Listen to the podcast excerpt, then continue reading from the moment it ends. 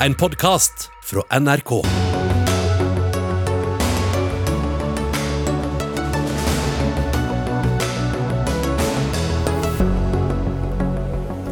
Billig og rask er viktigere enn å ta miljøhensyn når det skal bygges nye veier. Samferdselsministeren møter SV og Frp. Koronaviruset har nå spredt seg til hjortedyr. Hvor eh, alvorlig er det, spør vi i Dagsnytt 18. Det er legen og ikke norske kvinner selv som velger sæddonor under assistert befruktning her hjemme, iallfall. Men reiser kvinner utenlands, så får de velge selv. Og forslaget om å forby e-sigaretter med smak går opp i røyk dersom Frp skulle få viljen sin. Sammen med bransjen kaller de regjeringens politikk for overformynderi. Altså, vi velkommen til ukens første Dagsnytt 18. Jeg heter Espen Aas, der vi også i dag skal innom den spente situasjonen i Afghanistan. Men vi begynner med veiene og det statlig eide aksjeselskapet Nye Veier, som har fått kritikk for å tenke mer på økonomi enn på natur når det bygges nytt, slik vi så i Dagsrevyen lørdag. Nye Veier har ifølge seg selv spart 3,9 milliarder kroner siden de startet i 2015, men får altså kritikk for å sende regningen til naturen. Og Samferdselsminister Knut eh, Arild Hareide fra KrF, eh, hva tenker du om kritikken som Nye Veier har fått i helgen? Det vi har opplevd de siste årene, er jo at eh, på jernbaneprosjekt og veiprosjekt så har vi hatt veldig store kostnadsoverskridelser. Og, Nye Veier de har faktisk greid å bryte med den trenden. De har greid å få redusert kostnader. Det syns jeg er veldig bra. Men i kroner og øre, og noen peker på at det går utover andre ting som, som naturen. Ja, men òg i de analysene de gjør, så er naturlig nok òg naturverdier med i deres helhetlige samfunnsøkonomiske analyser. Men er oppdraget tenk først og fremst billig og effektivt, og dernest natur? De har fått i oppdrag at vi skal få mer igjen for de pengene vi bruker på, på samferdsel. Fordi det vi har opplevd tidligere, er at vi har hatt store kostnadsoverskridelser, og så må vi si nei til mange prosjekt. Vi må utsette mange prosjekt, og det er ikke noe bra. Men så er det sånn at Nye Veier de har akkurat de samme redskapene til å bygge veier på som det fylkeskommunene har, som det Statens vegvesen har. Men skal man utrede mer, utrede grundigere, så tar det lengre tid, og det koster mer. Ja, og jeg vil nok si at kanskje noen av de første prosjektene de fikk, så ble det tatt for lite klima- og arealhensyn. Eh, hvis vi tar f.eks. Arendal-Tvedestrand, så ble det bygd mye vei over myr. Og Det sier òg Nye Veier i dag. Hadde vi gjort, hadde de, men det var gjort veldig mye før de overtok eh, det prosjektet. Så det er klart at vi må se klima eh, og areal. Det er viktige verdier å ivareta. Men, men dagens Nye Veier er flinkere enn de var i oppstarten? er det du sier? Ja, de, de, ser uh, den helheten. Uh, og så er det jo formidabelt, det de har fått til. Det At de greide å redusere kostnadene med nesten 20% det er imponerende. Og så er det òg en fare hvis kommunene Nå er det kommunene som har bestemt da fullt og helt de arealplanleggingene som ligger til grunn òg for Nye Veiers sine veier. Men det er klart at, at hvis kommunene bestemmer fullt og helt, så blir det kanskje for dyre løsninger. For mange avkjørsler av veiene. Så Nye Veier har jo pressa fram veldig gode løsninger, som òg er vil jeg si, miljøvennlige løsninger. Arne Nævra, stortingsrepresentant fra SV og medlem av Stortingets eh, samferdselskomité, eller transportkomité. Du ville lagt ned hele Nye Veier, du, men eh, hadde det hjulpet noe på naturen, som vel er det du er mest eh, opptatt av? Ja, altså Nå har vi uh, høsta erfaring fra Nye Veier en stund. Uh, og det vi har sett er jo at uh, Nye Veier, når de skal presse prisene ned og de skal bruke kortere tid, så går det på bekostning av noe. Ingen må jo tro at det ikke går på bekostning av noe. Det går på bekostning av natur, dyrka mark og lokaldemokrati, faktisk. Sånn har vi sett. og jeg har sett noen eksempler nå hvor de har pressa prisene ned. Det er helt riktig, kanskje ned mot 20% 18-20 og hva har vi sett? Jo, et eksempel som vi har hatt helt nylig. Det er ikke sant som Hareide sier at det er tidligere eh, prosjekter. Nei, helt nylig i vinter så behandla vi i transportkomiteen Dørdal-Tvedestrand, E18. Altså en sak som også ble belyst i saken i NRK. Hvor altså vi skal bruke 11, over 11 milliarder kroner for å bygge en vei parallelt med en eksisterende vei eh, som ble bygd for 15-20 år siden. Altså Er det mulig når at flere tidligere avdelingssjefer i Statens vegvesen sier at dette er direkte galskap. De har sagt til meg dette her, det må dere ikke være med på, Arne, sier de til meg. Ok, men stortingsflertallet gjør det altså. Hareide har arva en motorveiplan fra tidligere statsråder fra Frp. Eh, asfaltkåte og fartsglade statsråder, som jeg pleier å si. Og det er veldig synd for Hareide. Han er en tidligere miljøvernminister, og han burde tenkt noe annerledes svare på det først, Hareide, så skal vi ta inn uh, en av de som Nevra omtalte på sitt vis. Men det handler òg om at vi skal bygge riktig dimensjon til riktig tid. Og Det er jo klart det er noen paradokser, det som Arne Nerva her sier. Vi har en vei som er bygd for 10-15 år siden, så må vi bygge en ny vei i dag. Og Det er jo noe av fordelene med de, mange av de veiene som Nye Veier bygger, er at det er firefelts motorveier som gir en dimensjon for det vi trenger inn i framtida. Vi vet at det som går på veien blir mer og mer klimavennlig, heldigvis, for hver dag som går. Og så må vi bygge riktig dimensjon. Men, men bedre og bredere veier gir grunnlag for mer trafikk? Ja, men jeg tror f.eks. Firfelts, smale firefelts motorveier de har vist seg å være veldig kloke. og Jeg tror òg det er bra når vi får eh, kjøretøy som går av seg sjøl. Men det er òg viktig for meg å si Nye Veier bygger jo ikke bare det. Eh, de bygger nå i Finnmark, starta forrige fredag med bl.a. En, en tofeltsvei. Eh, og det bygger de òg mange andre plasser i landet. Mm. Bård Hoksrud, stortingsrepresentant fra Frp, og med bakgrunn i, i samme departement som, eh, som, Hareide. Følte du deg truffet av eh, Nevras ja, både karakteristikk og kritikk? Nei, jeg syns det er veldig bra at vi faktisk nå tar ansvar og gjør det som motorveiplan fra 1962, som sa at vi skulle være ferdig med et motorveinett i 1980. Nå er vi altså 40 år på overtid, men når Fremskrittspartiet kom inn i regjering, så satte vi i gang med Nye Veier. Sørge for at de bygger ut raskere og mer, og det handler om å bygge ut mer helhetlig òg. Det betyr at man kan ta hensyn til natur, man kan ta hensyn til mennesker, man kan ta hensyn til dyrelivet. Eh, sånn at dette handler om å gjøre ting på en smartere måte, få mer ut av penga. Og det handler faktisk om, i motsetning til Arne Nævra og SV, som ikke vil, så vil vi. Og det handler om trygghet og sikkerheten på veiene. Den gamle E18 gjennom Bamble som Nye Veier nå har bygd ny E18. Der var det mange alvorlige ulykker og dødsulykker på den gamle veien. Nå har vi fått en ny firefelts motorvei med møtefri vei. Men, det men, er å ta trafikksikkerhet på alvor. og det er det som I hvor stor grad mener du da at det tas eh, miljøhensyn når man bygger en langt bredere vei ved siden av en eksisterende vei, f.eks.? Eller de sakene som ble eksemplifisert eh, i, i Lørdagsrevyen? Jeg mener at man har tatt, og Nye Veier har vært med, og det har vært god dialog med lokale myndigheter når den veien der ble bygd. Og så vil det alltid være diskusjoner rundt dette. Det har vi jo alltid opplevd når det har vært, skulle vært bygd nye veier. Men det er jo sånn istedenfor å gjøre som Arne Nævra, stikke huet i sanda og tro at det går over, så er det altså sånn i Porsgrunn så skal man nå bygge en ny vei ved siden av den eh, veien som ble bygd for eh, å stå ferdig i 1996. Eh, ny, ny, bru over Grenlandsbrua. Veldig mange har i sommer stått eh, og venta i kø, fordi altså det er går fra firefelts i Bamble til tofelts eh, i Porsgrunn. Hvis man hadde bygd det ordentlig firefelts den gangen, så hadde man brukt mindre arealer, gått mindre utover naturen. Og det er jo konsekvensen av den veien som Nye Veier nå skal bygge, er jo fordi man bygde for lite. Når man bygde den gamle E18 som er der i dag, så må man bygge en okay. ny nå for å møte de utfordringene som er der med økt trafikk. Arne Nævra, kan ikke bedre planlegging bety også bedre veier, og samtidig også mer hensyn til omgivelsen omgivelsene der det bygges veier? Altså Det som skjer veldig ofte, det er at Nye Veier er jo blitt et altså de, de gjør jobben sin de, på mange måter eh, etter, et, etter, en motorveiplan som vi mener er fullstendig feil. Altså Vi bygger jo ikke jernbane mellom Oslo og Stavanger, men vi bygger altså en firefelts motorvei hele tida, hele veien, for at vi skal ha samme tusjfarge på planleggernes kart. Det er jo ikke sånn vi skal tenke. Altså Det som har skjedd da, f.eks. i den Dørdal-Tvedestrand, er jo at eh, for å få prisen ned, så har de plutselig kutta ut fire tunneler. I himmelens navn. Når dette kommer til Stortingets bord, så er det plutselig borte fire tunneler.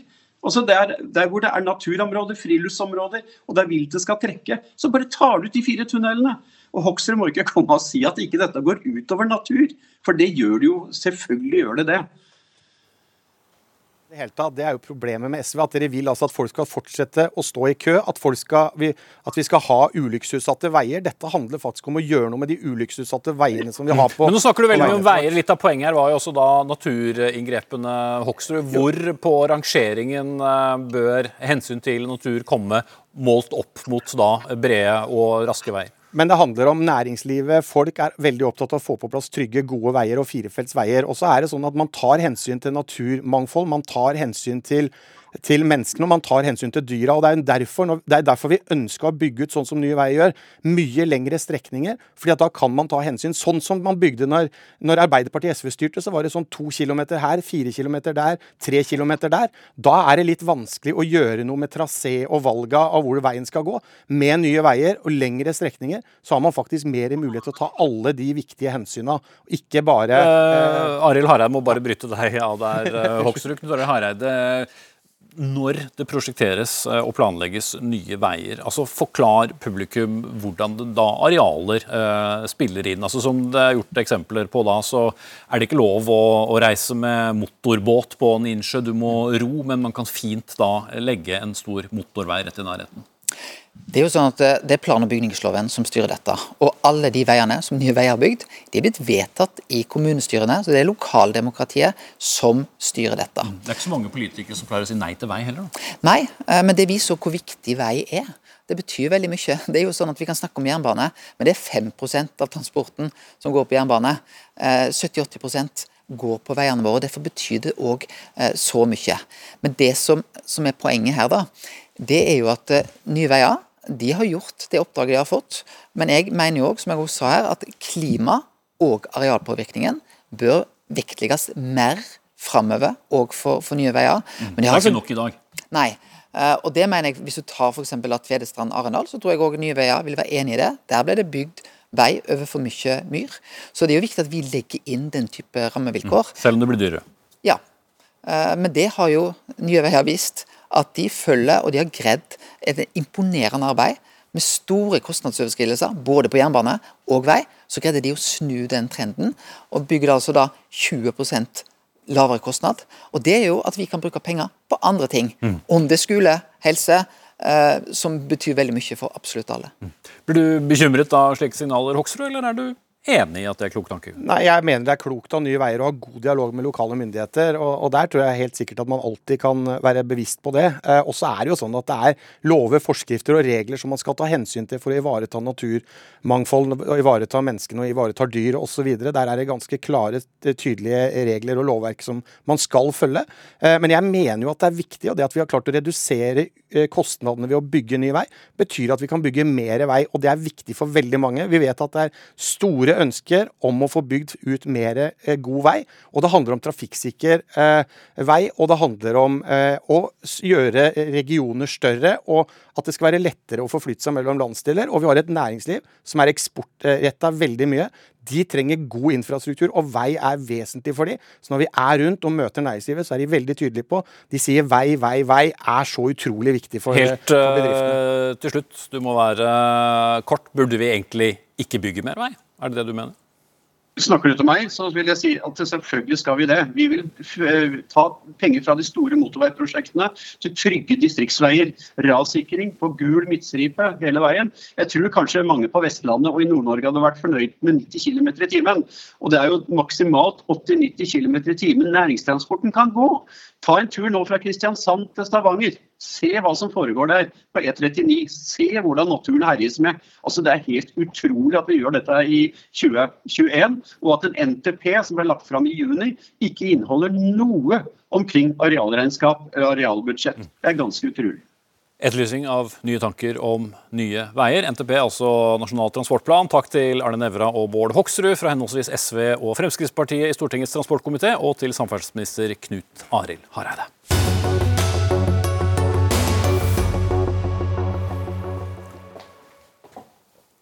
Det bør tenkes nytt om hvordan politikerne henter penger fra oljefondet, eller Pensjonsfondet utland, som det jo heter. Ja, det kunne vi eh, se sjefen i SSB eh, tenke høyt om på nettside E24, som blir gjengitt i dagens Aftenposten. I dag kan regjeringen hente ut 3% av oljefondets verdi til eh, å smøre statsbudsjettene, men kan også bruke mer dersom spesielle forhold tilsier det, som en liten finanskrise eller kanskje en, en pandemi.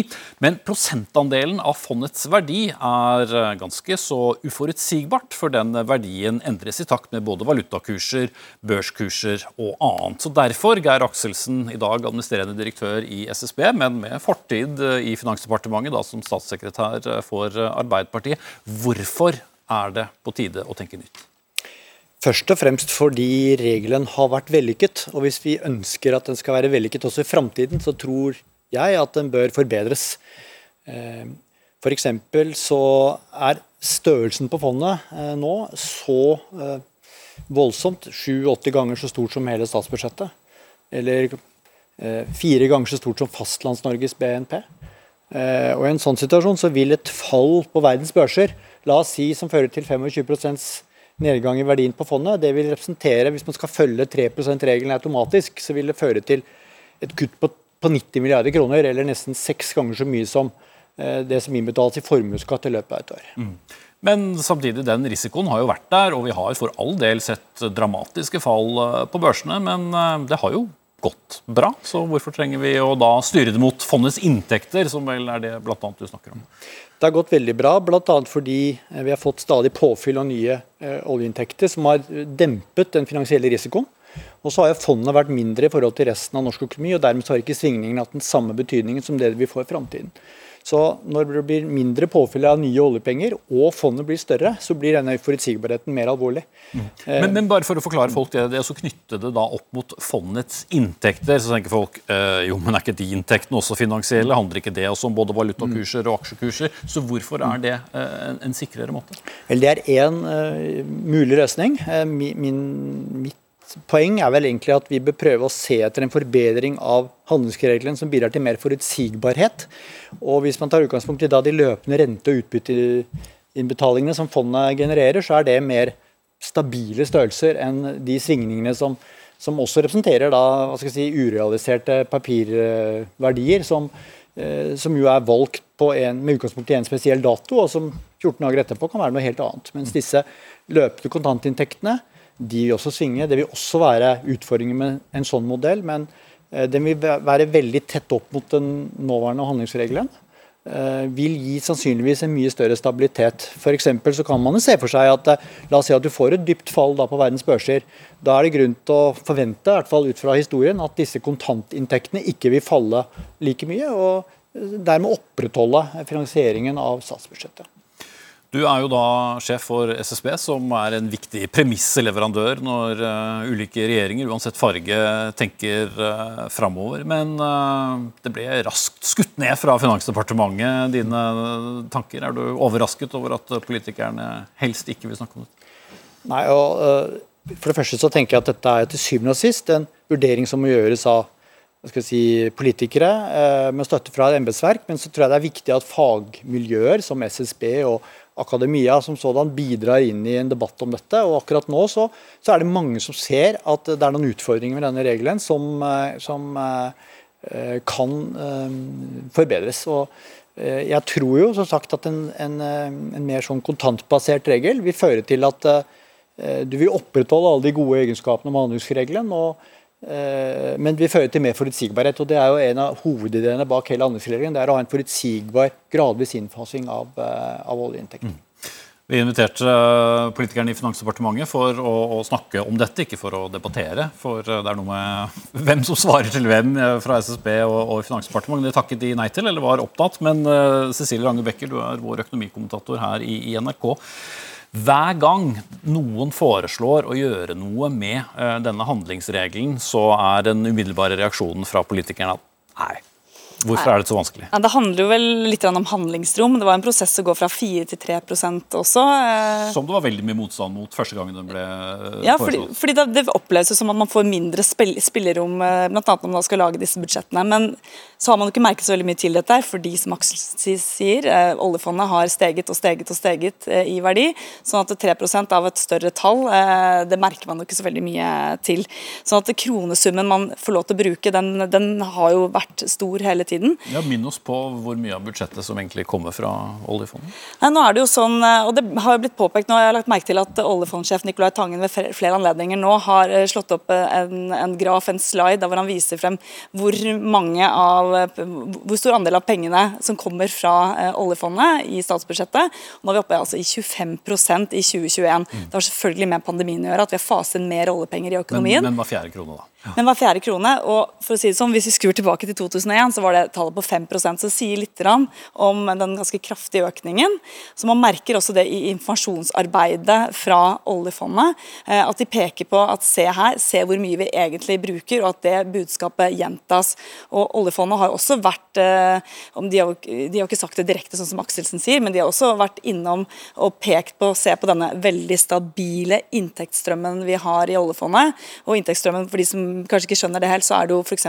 utbytte fra aksjer, eh, kuponger fra rentepapirer eh, osv. Den har vært stabil de siste ti årene. Man kan vise til at den har liksom vokst jevnt og trutt og har vært på 2000 milliarder omtrent de siste ti eh, årene. Mm. Ja, for Når et selskap går bra, så betaler de da ut utbytte, og som eier da så får oljefondet de pengene, bare for å uh, forklare den, den, biten av det. Men uh, hva taler måte for da uh, forslaget fra, fra, Akselsen? Altså, hvorfor burde egentlig en del politikere tenke at jo, dette er jo strengt tatt tryggere? Det er jo dette med disse svingningene, som også Nicolai Tangen nå er, har sagt de, siste åra. Han har vært veldig mange ganger innom dette. her, At når det kan stige så mye, så kan det også falle veldig mye. Vi ser i et kvartal i fjor falt det 1500 milliarder kroner i første halvår opp 1000 milliarder. Så det er, det er, liksom, det er veldig store tall vi snakker om her. Og, og, og, det er nok en slags forventningsjustering også eh, av politikere og av oss eh, som sitter der hjemme, at, at, det er ikke sikkert at det varer evig. Sånn at eh, Mye av eh, informasjonen ut fra oljefondet handler om nettopp det.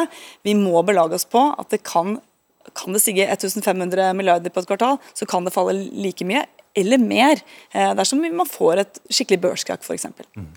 Men det betyr vel egentlig også at uh, vi har vært heldige, da, selv om fondet har for all del tapt seg i, i, i verdi noen ganger. Men vi har liksom ikke fått det, den store smellen som har uh, gjort at vi har merket det på, på lengre sikt i, uh, i norsk økonomi.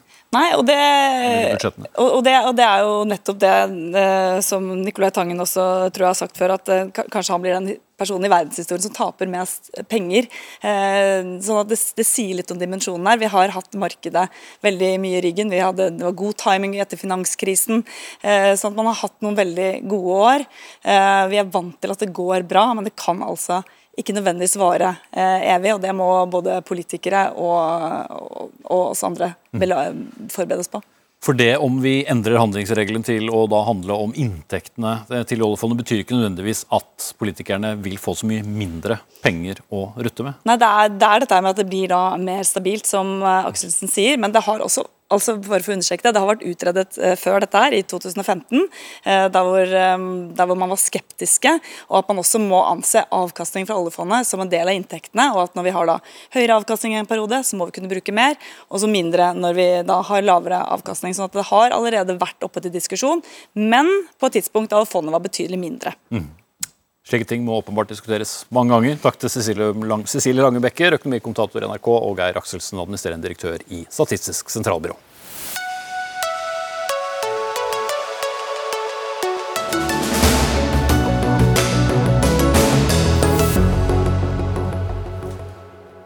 Det er oppdaget koronasmitte på hjort i USA for eh, aller første gang. Hva det kan bety for oss, skal vi snakke om litt senere i Dagsnytt 18.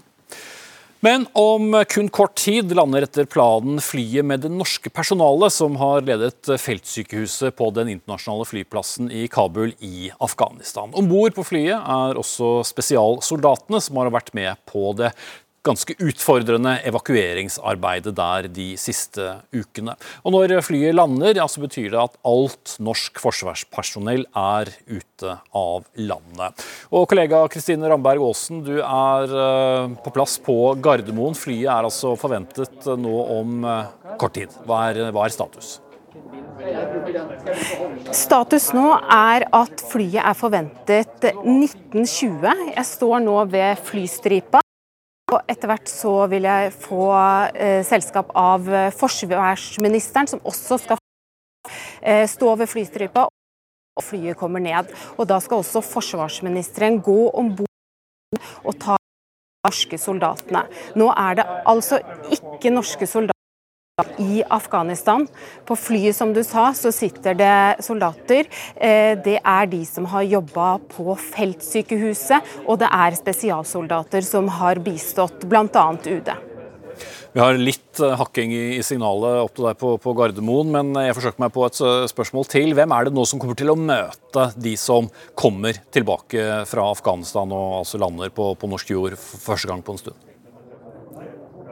Her kommer hele forsvarsledelsen til å være. Eh, og på flystripa kommer forsvarsministeren til å stå og ta imot flyet når det kommer. Og som jeg sa, men siden det var dårlig dekning, så sier jeg det igjen. Forsvarsministeren på flyet og tar imot eh, soldatene og snakker med de der. Får vi altså ikke snakke med soldatene, de er skjermet for pressen. De skal videre til bl.a. legesjekk, de skal på debrifing. Eh, og så får man eventuelt håpe at man får snakke med dem om noen dager. Da sier vi takk til deg, Kristine Ramberg Aasen, med oss fra Gardermoen. Får vi bare beklage at eh, vi ikke hadde verdens beste linje dit. Vi håper at vi har mer flaks eh, når vi nå skal til USA. For senere i kveld så møtes FNs sikkerhetsråd for å drøfte situasjonen i Afghanistan, etter at de vestlige styrkene nå trekker seg ut. Og Anders Tvegård, eh, utenriksjournalist her i NRK, du følger dette møtet i New York. Hva forventer man skal komme ut av dette? Målet her er å bli enige om en resolusjon, en tekst som skal eh, ta for seg tre ting. Eh, fri passasje for utlendinger til å komme seg ut av Afghanistan. Det skal handle om eh, kvinner og sårbare grupper, hvordan de skal beskyttes, og også at det skal gis humanitær tilgang i hele Afghanistan. Målet er altså en resolusjonstekst. Og det, dette møtet det kommer som følge av terrorangrepet mot flyplassen forrige uke. Er det en eh, vanskelig sak for Sikkerhetsrådet? Sikkerhetsrådet må jo vise at de er litt på ballen. Hittil så har det bare kommet presseuttalelser. og For dem som uh, følger FN, uh, så vet de at presseuttalelser er mye svakere enn det en juridisk bindende resolusjon er, f.eks., som de skal forsøke seg på i dag. Nå har jo Kina og Russland som de eneste stormaktene i Sikkerhetsrådet fortsatt ambassade i Kabul, og sånn sett kanskje kan ha innflytelse der. Det som vi hører nå, er at noen av disse landene også stiller spørsmål ved behovet for en resolusjon akkurat nå. Fordi eh, det er jo snakk om at hele FN-oppdraget i Afghanistan skal opp til behandling og fornyelse eh, neste uke. Så trenger man da å gjøre noe i dag, er det noen som snakker om i korridorene. Men det er altså kalt inn til et møte klokka 21 i kveld eh, norsk tid. Så det betyr at, at, Russland og Kina kan komme til å ha en litt annen oppfatning enn f.eks. USA og en del andre vestlige land? Eh, det kan være, men det kan også være at Sikkerhetsrådet denne gang faktisk enstemmig kommer til å bli enige. Eh, jeg har nettopp sett en norsk delegasjon gå forbi her som forteller at det pågår fortsatt forhandlinger nå for å bli enige om eh, teksten og få sluttført en tekst som alle land kan godta. Og hva resultatet blir til slutt, det vet man ikke, men Norge kommer iallfall til å stemme for, etter det vi kjenner til. Og som vi var innom rett før du kom på, Anders, så er altså det siste flyet med, med norsk personale klart til å lande på, på Oslo lufthavn Gardermoen om en, en, drøy times tid. Men det er jo morgendagen, 31. august, som har vært denne si, magiske datoen, eller som har vært pekt på, på i lang tid. Amerikanerne har jo også hatt en større evakueringsoperasjon. Hvordan ligger landet nå an? Ja, det er siste fase av evakuering. Det som skjer nå, er eh, nøkkelpersonell og soldater som fraktes ut av, eh, eller hentes ut av eh, Afghanistan. Man ser på tall. I helga så var det 2000 som ble evakuert, natt til i dag 1000. Så det er altså i sluttfasen. Det kan være slutt når som helst. Spørsmålet er jo hva som skjer med militærutstyret, og hvordan de siste helikoptrene eller, flyene skal ut av Afghanistan hvis de ikke har et sikkerhetsnett rundt seg på bakken saken. Og eh, President Biden har sagt at også eh, ambassadøren og diplomatkorpset skal ut innen eh, fristen i morgen. Og Det åpner jo mange spørsmål, som f.eks. hvordan skal man da holde løftet om å hjelpe amerikanere eller de afghanske hjelperne med å komme seg ut av landet, når da vestlig tilstedeværelse er borte. Og det er jo altså 20 år siden eh, terrorangrepet på USA og hele foranledningen til eh, at eh, man gikk til angrep da på, på Taliban i, i, Afghanistan. Og nå må amerikanerne eh, ta noen runder med seg selv eh, for også spørre hvorvidt man skal kunne fortsette å holde en diplomatisk kontakt med, med Taliban. Jeg ser enkelte bl.a. stille spørsmål om vil man kunne se at Taliban oppretter en, en ambassade i USA. Vet vi noe om hva amerikanerne tenker om, om videre kontakt? Det er ikke tatt en eh, offisiell avgjørelse på hvordan forholdet til eh, Taliban skal være. Eh, dersom diplomatiet hadde blitt værende, så hadde det vært en indirekte anerkjennelse av Taliban også, og det er nok ikke USA klare til akkurat nå. Spørsmålet for amerikanerne blir jo også når og om en, et diplomatisk kontor eh, skal eh, tilbake til Kabul. Er eh, sikkerheten god nok for det? Ønsker man å da anerkjenne det regimet som man jagde ut for 20 år siden? Akkurat nå så er det ganske sårbart og, og følelsesladd politisk spørsmål her. En av republikanerne i Senatet, ledende stemmen Lindsey Graham, han sa at nå er det terroristene som igjen styrer Afghanistan, og dette bare åpner en, en, et nytt kapittel i krigen. Anders Wegård, du følger møtet videre utover kvelden for NRK. Takk skal du ha.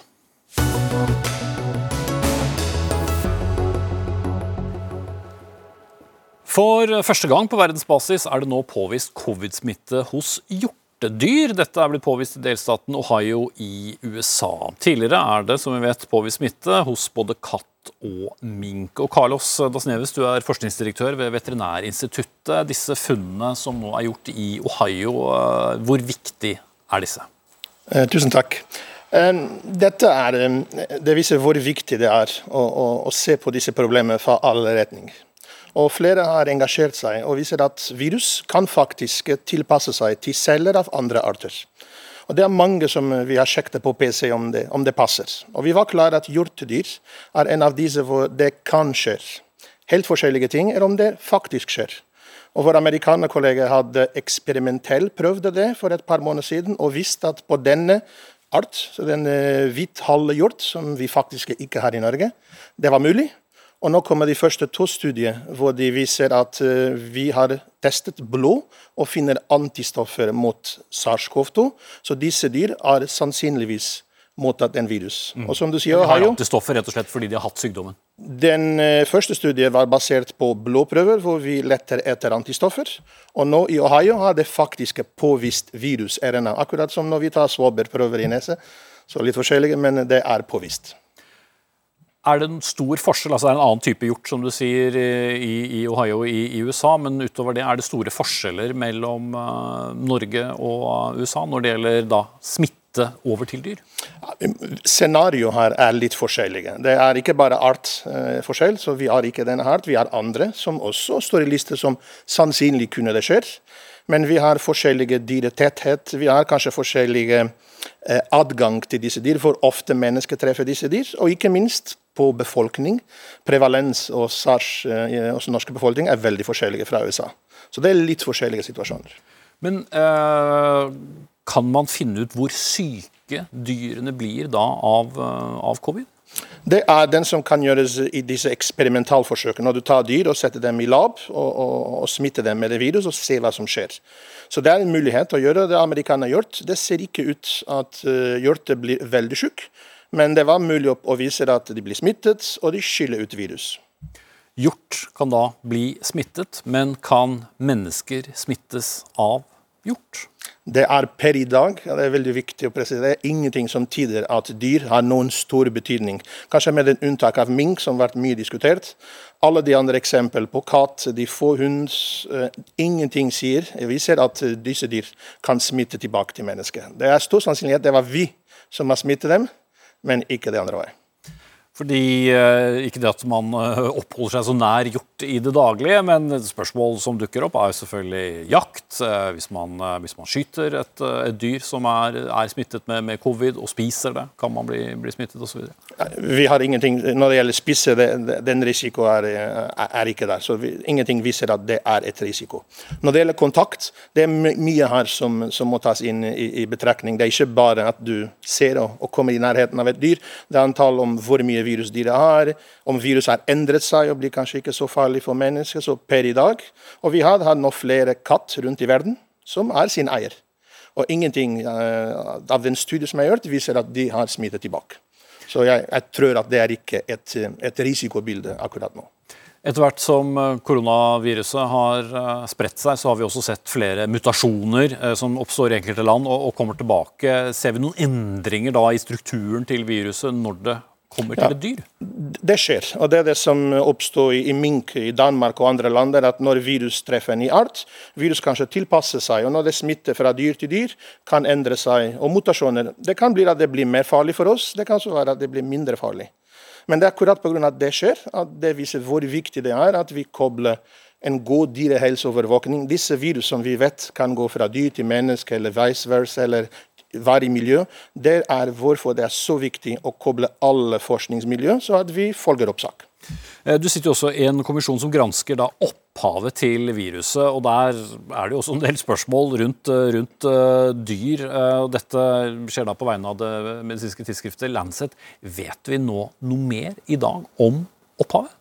Ja, det, jeg liker å presisere, vi, vi, undersøker ikke bare opphavet, men også prøver å lære fra den som er gjort. Hva kan gjøres bedre for kanskje å unngå KOV3. Mm. Det er veldig viktig. Vi, vi, prøver begge deler. Det er mye som gjøres nå. Vi har masse intervjuer. Dette har vært mye politiske uro rundt dette. Eh, jeg kan selvfølgelig ikke ha sterkt å si hva har vi funnet, eller hvilken informasjon vi har fått, men vi har snakket med mange folk allerede. De som støtter naturs opprinnelse, de som tror dette kan ha vært et lab-ulykke, eller egentlig et skapt i lab, produsert i lab. Eh, så vi prøver å samle alt som er vitenskapelig, som holder vitenskapelig, for det er det som er vår fokus. Vitenskap rundt dette. Vi lar andre kanskje ta politikk. Men du spør om det eneste som vi vet, er at etterretning i USA har nå ferdig levert en rapport til president. Vi vet ikke hva det står der, men den som er filtrert ut, er at de kunne ikke finne noen ellers som sier at Kina kanskje har produsert dette, er sluppet ut av et lab i Wuhan. Så det er ikke noe bevis for at det kan være skapt i et laboratorium? Vi vet veldig liten. Det er et hemmelig rapport fortsatt. Men de som har kommet ut, er at de kunne ikke være enig i at det er nok bevis. Eh, spesielt uten at Kina, de klager litt at Kina er ikke veldig samspillende. og Derfor er det viktig å, å, å konkludere på noen. Men vil vi bli klokere i nærmeste fremtid? Vi får se. Vi, vi, som sagt prøver å høre alle og samle informasjon. Det er sikkert også et jobb som uh, Verdens helseorganisasjon skal gjøre og sikkert andre rundt i verden engasjerer seg på. Carlos Alneves, du er forskningsdirektør ved Veterinærinstituttet. Takk skal du ha. Tusen takk.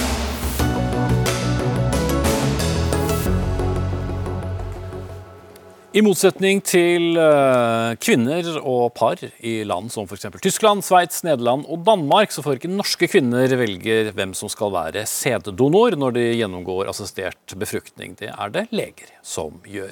Men dette får også enkelte til å reise utenlands, og en av dem er deg, Anne Hoskold Haugen, frilansjournalist, men først og fremst da i en annen sammenheng her. Du dro altså til Danmark uh, for å få barn gjennom assistert befruktning, og da fikk velge selv. Hvorfor var det viktig?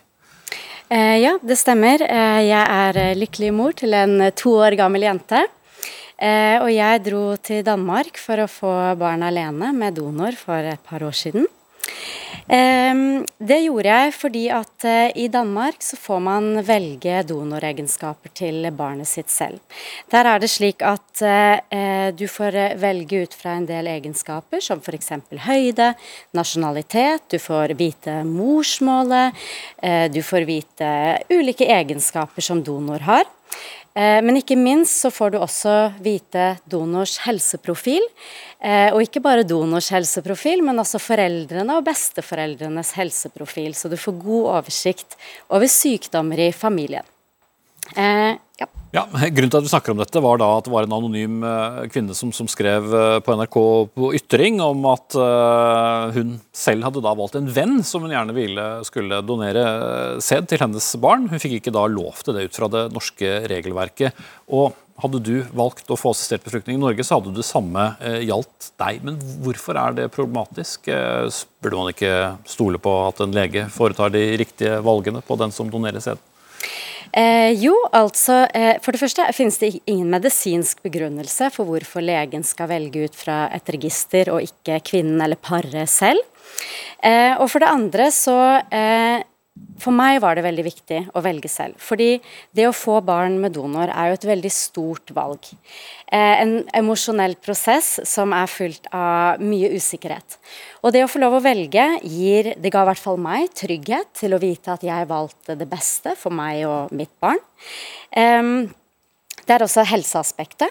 Det at eh, både under graviditeten og etter, på helsestasjonen når barnet er født, så blir man til stadighet spurt om, eh, om fars helse, høyde, allergier, om man bruker briller osv. Og, så og det å kunne ha et svar på det, det gjør jo at jeg føler meg som en ansvarlig mor. Eh, og omvendt, hvis jeg bare hadde måttet sittet og si det vet jeg ikke, ville føltes veldig rart for meg. Jeg mener også at det er barnets beste at man faktisk har litt oversikt over helseprofil til donoren. Mm. og kan jeg bare si én ting til? Ja. Det siste argumentet eh, for hvorfor jeg mener det er viktig, at slik det er i dag, så får donorbarn rett til å vite hvem donor er ved en alder av 15 år i Norge. Det betyr at donoren er ikke lenger bare en perifer person, et, en, en kode i et register. Det er en person som barnet faktisk kan komme til å møte. Det betyr at for meg så valgte jeg en donor som lever et liv som ligner på mitt Eh, og Det syns jeg er viktig, for det tror jeg at vil gjøre det møtet mye lettere den dagen det skal skje. Mm. Maria Jarmann Bjerke, statssekretær i Helse- og omsorgsdepartementet fra Høyre. Hvorfor har vi valgt det slik at eh, en kvinne da ikke kan gjøre som de får gjøre i, i Danmark? Nei, altså Bioteknologiloven har jo regler om hvem som eh, har tilgang til assistert befruktning. Eh, og det er jo sånn at Hvis det er et par som skal få hjelp til å få eh, barn av helsetjenesten, så, så, krever vi i dag at de enten er gift eller samboende. Eh, og Det er rett og slett av hensyn til barnet. Vi ønsker at to som skal ha omsorg eller være foreldre, også skal leve sammen. Eh, og Dette prinsippet gjelder jo, altså ble videreført da man også åpnet opp for assistert befruktning for enslige, hvor enslige heller ikke har lov til å velge eh, sæddonor, og det er behandlende lege som eh, skal velge. Og Det er rett og slett fordi eh, prinsippet om at det skal være barnet som skal få lov til å velge, om man har lyst til å vite hvem donor er ved en alder av 15, som du sier. Og Da kan heller ikke kvinnen Eh, vite hvem eh, donor er. Eh, og donor skal heller ikke vite hvem kvinnen eller paret eller barnet er. Og Det er rett og slett for å sikre barnets rett til selv å få bestemme om man har lyst til å vite hvem donor er. Så Dette er jo ikke et nytt prinsipp. Dette prinsippet har jo vært sånn som det har vært helt siden forrige revidering av bioteknologiloven i 1994. Og det er et enstemmig storting som også stiller seg bak dette prinsippet. Ja, altså, men Nå må vi skille mellom to ting. Eh, nå snakker du både om eh, kvinner som ønsker å få barn med noen de ikke bor sammen med, men som de kjenner identiteten til. Det er én ting, som den kvinnen i det innlegget beskrev. Eh, men eh, dette gjelder eh, ikke å bli vite hvem donor er. Dette handler jo om både par eh, og enslige kvinner sin rett til å få velge donoregenskaper. Det er jo ikke her snakk om å få vite donors identitet. Det har ikke foreldrene rett til, eller mor rett til, og det er helt uh, i orden. Men det handler jo om å få lov å ta et valg, kanskje det viktigste valget man tar i sitt liv, nemlig biologisk opphav til sitt barn. Og det jeg synes er rart, er hvorfor man i Norge praktiserer dette så annerledes enn i alle andre land det er naturlig å sammenligne seg med. Hvorfor er det sånn at kvinner og par må ta til takke med at et helt fremmed person skal få velge det biologiske opphavet til eh, ditt barn. Eh, ikke en vilkårlig fremmed person, da, men en lege. Men en lege, men likevel for deg, en person du ikke har noen som helst tilknytning til. Eh, og det er ingen medisinsk begrunnelse for at legen skal velge. Det sier legene selv. Eh, og eh, til det du sier med barnets beste, jeg syns det er interessant fordi barnets beste er jo et argument man kaster ut i alle sammenhenger. Men hva er egentlig barnets beste?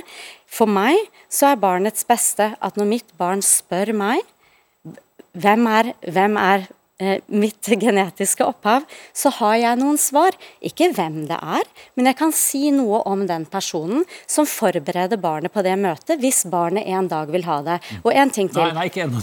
Nå må Bjerk få svar. Ja, altså I Norge så har vi et system hvor du kan velge noen eh, egenskaper. Altså Det er legen som på bakgrunn av samtale med paret eller kvinnen kan velge noen fysiske eh, karakteristika. Det kan være øyenfarge, hårfarge etc. Altså alle de fysiske eh, trekkene ved et menneske.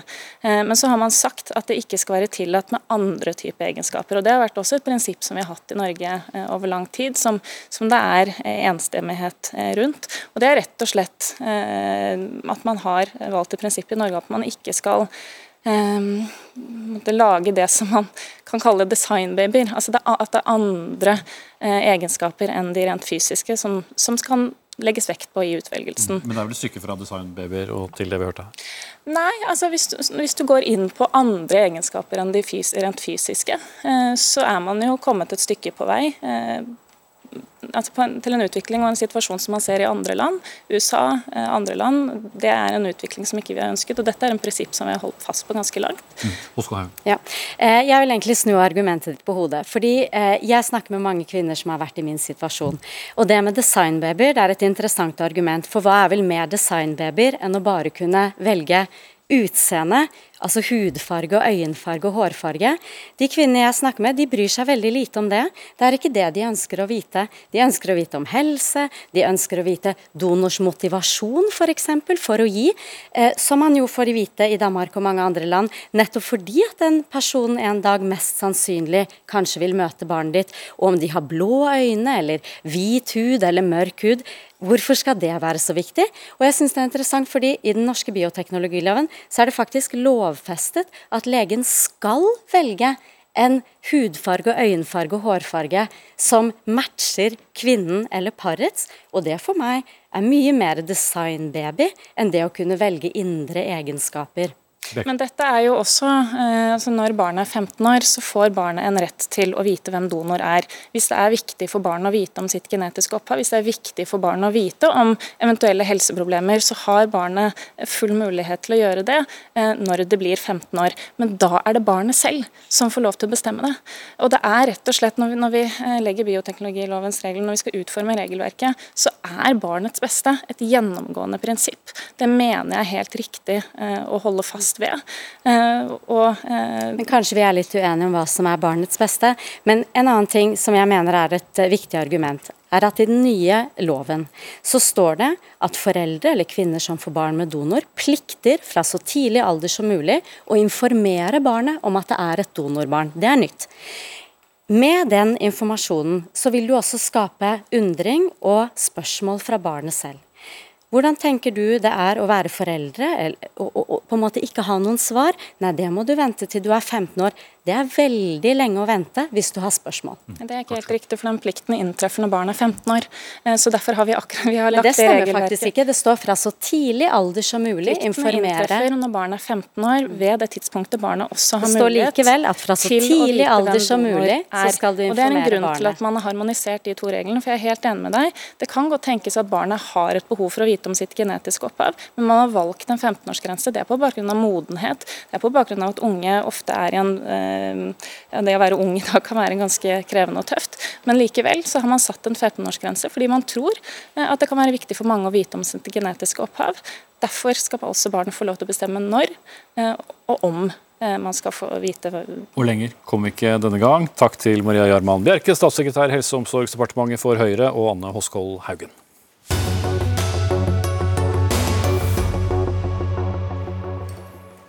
Skjønt eh, statssekretæren må være med litt til, for forslaget om å forby e-sigaretter med forskjellige smakstilsettinger vekker sterkt engasjement blant de som damper, som det heter, kunne vi høre i eh, Dagsnytt i morges. Lovforslaget er nå ute på høring. Dersom det blir vedtatt, ja, så kan det bli forbudt å nyte da damp som erstatning for sigaretter, med smak av f.eks. jordbærmilkshake og latte latte macchiato. Og Maria Jarmon Bjerke, du er fortsatt med oss, i tillegg til en 25-årsgrense. Hvorfor skal det være så strengt at du faktisk må være 25 år, og det skal heller ikke smake godt dersom du skal eh, erstatte f.eks. vanlige sigaretter med e-sigarett? Eh, våre forslag og Bakgrunnen for de forslagene som kommer nå, er, for det første at eh, gjennom tobakksdirektiver så, så kommer e-sigaretter til å bli lovlig i Norge. I dag er det jo forbudt. Eh, og Lovreguleringen vi har foreslått, det er primært for å beskytte hensynet til barn og unge. Det er veldig få barn og unge i dag som har tilgang til e-sigaretter, nettopp fordi at det er et ulovlig produkt. Eh, slik at eh, ved å ha en aldersgrense, så kan man begrense tilgjengeligheten, men ingen barn og unge eh, mister rettigheter som de i dag har. Mm. Samtidig så gjør man det mulig for voksne å gå over til mer skadereduserende midler. Mm. Arber Topalai, du kommer fra Norddamp, som da selger denne type sigaretter. Hvorfor er det så viktig for bransjen å også kunne tilby da disse fruktsmakene. For, for første gang så blir det jo da lovlig med, e-sigaretter, som jo ikke er i dag. Det er helt riktig, eh, og jeg forstår argumentet deres. Og vi deler jo en viss interesse sammen, er at vi ønsker et røykfritt land til eh, syvende og sist. Men å lovliggjøre eh, snus og røyk for 18-åringer, men 25 år for damp, det gir ingen mening. Og det tror jeg vi er ganske enige om, veldig mange i hvert fall, at det absolutt ikke gir noe mening. Men dere er bekymret for rekrutteringen? Vi er kjempebekymret for rekrutteringen. fordi at man mm. ser i de landene hvor eh, e-sigaretter eh, er tilgjengelig, så har man sett en stor Ja, og andre europeiske land. Vi har jo gått veldig grundig gjennom eh, hvordan andre europeiske land, eh, ettersom de har gjort e-sigaretter eh, tilgjengelig for en stund siden, så har man sett at det har vært en inngangsport. Både at det har vært ganske eh, appellerende til unge mennesker, mange har begynt med e-sigaretter, men det har også vært en inngangsport til røyking. Og man vet at smakstilsetninger Man har erfaringer fra Danmark som sier at smakstilsetninger er en av de viktigste årsakene til at unge begynner med e-sigaretter, og at mange opplever eller tror at e-sigaretter med søte smaker som f.eks. Mm. fruktsmak er mindre farlig. Eh, så Derfor er vi ja, vi er kjempebekymret for det vi har sett i andre land. Og vi vet at selv om e-sigaretter ja er mindre skadelige enn f.eks. Tobak, eh, vanlig tobakk, eh, så har det fortsatt sterke negative helseskader for unge. Barn og unge som blir eksponert for nikotin i tenårene, det kan ha mm. Konsekvenser for hjerneutviklingen. Og unge blir også mer avhengig av nikotin enn voksne. Men Hva er det største publikum, eller kjøpergruppen, for å bruke et riktig ord? Eh, Vår snittlige kunde er mellom 40 og 50 år. Eh, dette har vi statistikk på, og det tar deg én dag å være i butikken vår og se vår kundebase. Eh, men det du refererer til, er jo bl.a. USA, der det var Jule, et stort selskap som markedsførte seg i hytte og pine.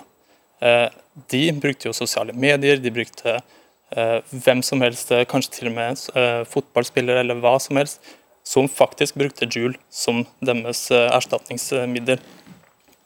Markedsføring i Norge har vi jo ikke på dette her. Så det er jo ikke et problem som gjelder i Norge. Men det bare henger meg opp en ting du sier. altså hvor Vil altså så voksne røykere da ha liksom, jordbærsmak og tutti frutti? Og disse fruktsmakene vil ikke gjør, gjør, det det? Altså, det vil, vil, du ha noe som, som ligner mer på det, det, å røyke? Man starter som oftest med tobakkssmak, men så beveger man seg ut av det. Etter to uker med damp så har du fått smakssans tilbake, luktsans tilbake, og ikke minst titallet mange andre eh, varianter av helsefordeler. Men de to tinga som skjer etter to uker, da liker du plutselig ikke tobakkssmaken lenger. Da vil du bevege deg ut mot milkshake og hva enn du nevner. Det finnes jo tusenvis av forskjellig smak. Mm. En eh, som har lyttet til samtalen, er deg, Silje Hjemdal, stortingsrepresentant for Fremskrittspartiet og det som heter forbrukerpolitisk eh, talsperson. Dere har jo tidligere, ikke minst i Dagsnytt 18-studio, eh, kalt dette for overformynderi. Men nå blir det jo tillatt noe som ikke har vært tillatt, så er det ikke bedre å være fornøyd med det? Jeg syns det er bra at vi er kommet et stykke på vei. For jeg har jo etterlyst eh, regulering av dette i ganske mange skriftlige spørsmål til statsråden etter hvert. Men jeg må jo si at dessverre så ser vi nå et eksempel på norsk forbudskåthet eh, på sitt verste igjen. Jeg syns det er veldig trist at man nå vil inn eh, med moralisme for å regulere enda mer. Det som kan være en hjelp for folk nettopp med å stumpe eh, røyken. Og jeg mener at det forslaget som nå ligger til ny røykelov, faktisk er i strid med regjeringens egen tobakksstrategi om, om skadereduksjon. Så jeg er veldig forundret i hvert fall over at eh, partiet Høyre eh, kunne stå bak dette. Ikke så over, overrasket over KrF, men, men jeg syns det er veldig trist eh, løsning. Og jeg mener at vi bør i større grad være med og ligge til rette for at folk nettopp kan ta valg som er bedre informert, men, men også mindre Eh, mindre skadelig for dem. Og da, da, må vi legge til rette på alle gode måter. og Det syns jeg også det er veldig spesielt at uh, man ikke har uh, tatt uh, større hensyn til nettopp brukerne selv, som i dag også med egen stemme forteller i nettartikkel på NRK hvordan de har kommet seg ut av røyken. Jeg bryter deg av nå. Hjemdal, vi innfører jo da et nikotinprodukt som ikke har vært tilgjengelig tidligere. Så sier eh, produsent eller de som selger det her, at eh, hovedsakelig er jo deres eh, eh, brukergruppe voksne mennesker. Men når du innfører noe helt nytt, og i tillegg med da søte smaker, og det er jo eh, slik at Verdens helseorganisasjon omtaler jo e-sigaretter som eh, helsefarlige, så hvorfor skal det være spennende og nytt og i tillegg smake godt? Nei, altså Folkehelse, Folkehelseinstituttet er jo veldig klar på at det er en betydelig forskjell på vanlige sigaretter og disse eh, alternativene. Så jeg er krystallklar på det. At eh, når det ser ut som at eh, politikken i dag fungerer, med at man hadde rundt en tredjedel av den voksne befolkningen som røykte i 20, eller år 2000, og i dag eh, er det rundt 9% så er vi på riktig vei. Men vi må fremdeles være flinkere og legge til rette for at eh, folk eh, kan ta andre valg.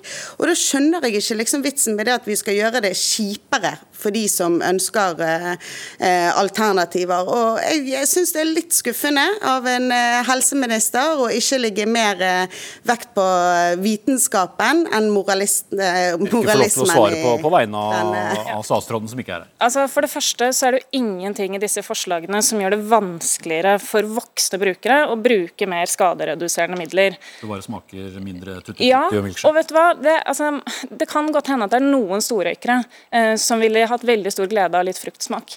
Men det er faktisk viktigere uh, å ivareta hensynet til barn og unge, så vi mener at det uh, gis uh, forrang. For det andre så er det veldig få barn og unge mellom 16 og 24 år som røyker, det er under 1% Sånn at, at disse vil jo egentlig ikke ha behov for skadereduserende midler, som e-sigaretter er.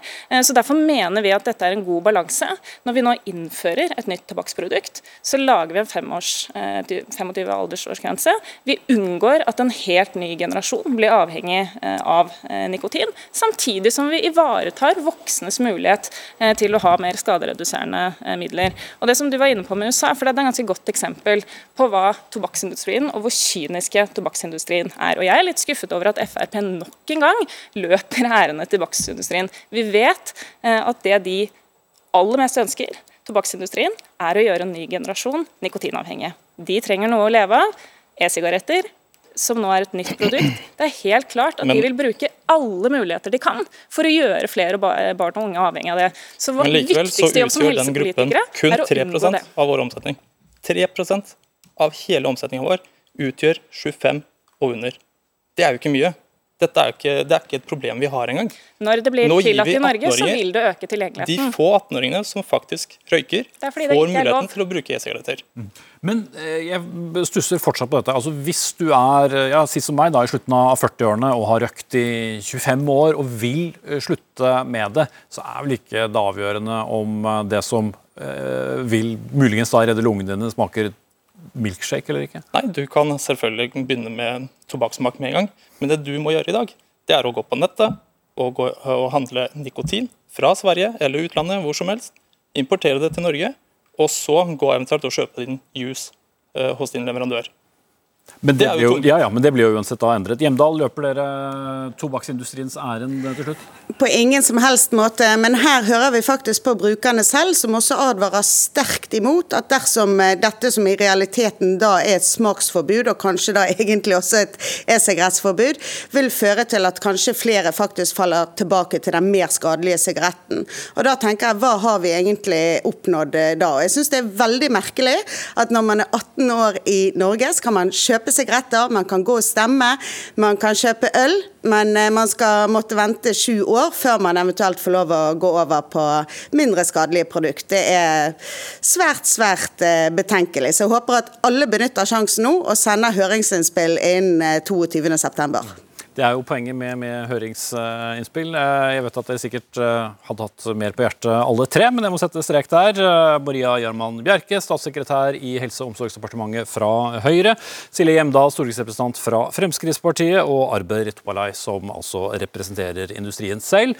Vi er ved veis ende i kveldens utgave av Dagsnytt 18. Vi er tilbake igjen i morgen. Ansvarlig for dagens sending, det var Saria Victoria Rygg. Jeg heter Espen Aas. og før følg Dagsrevyen på NRK1 etter oss, og så blir det også valgprogrammer utover kvelden. Takk for nå.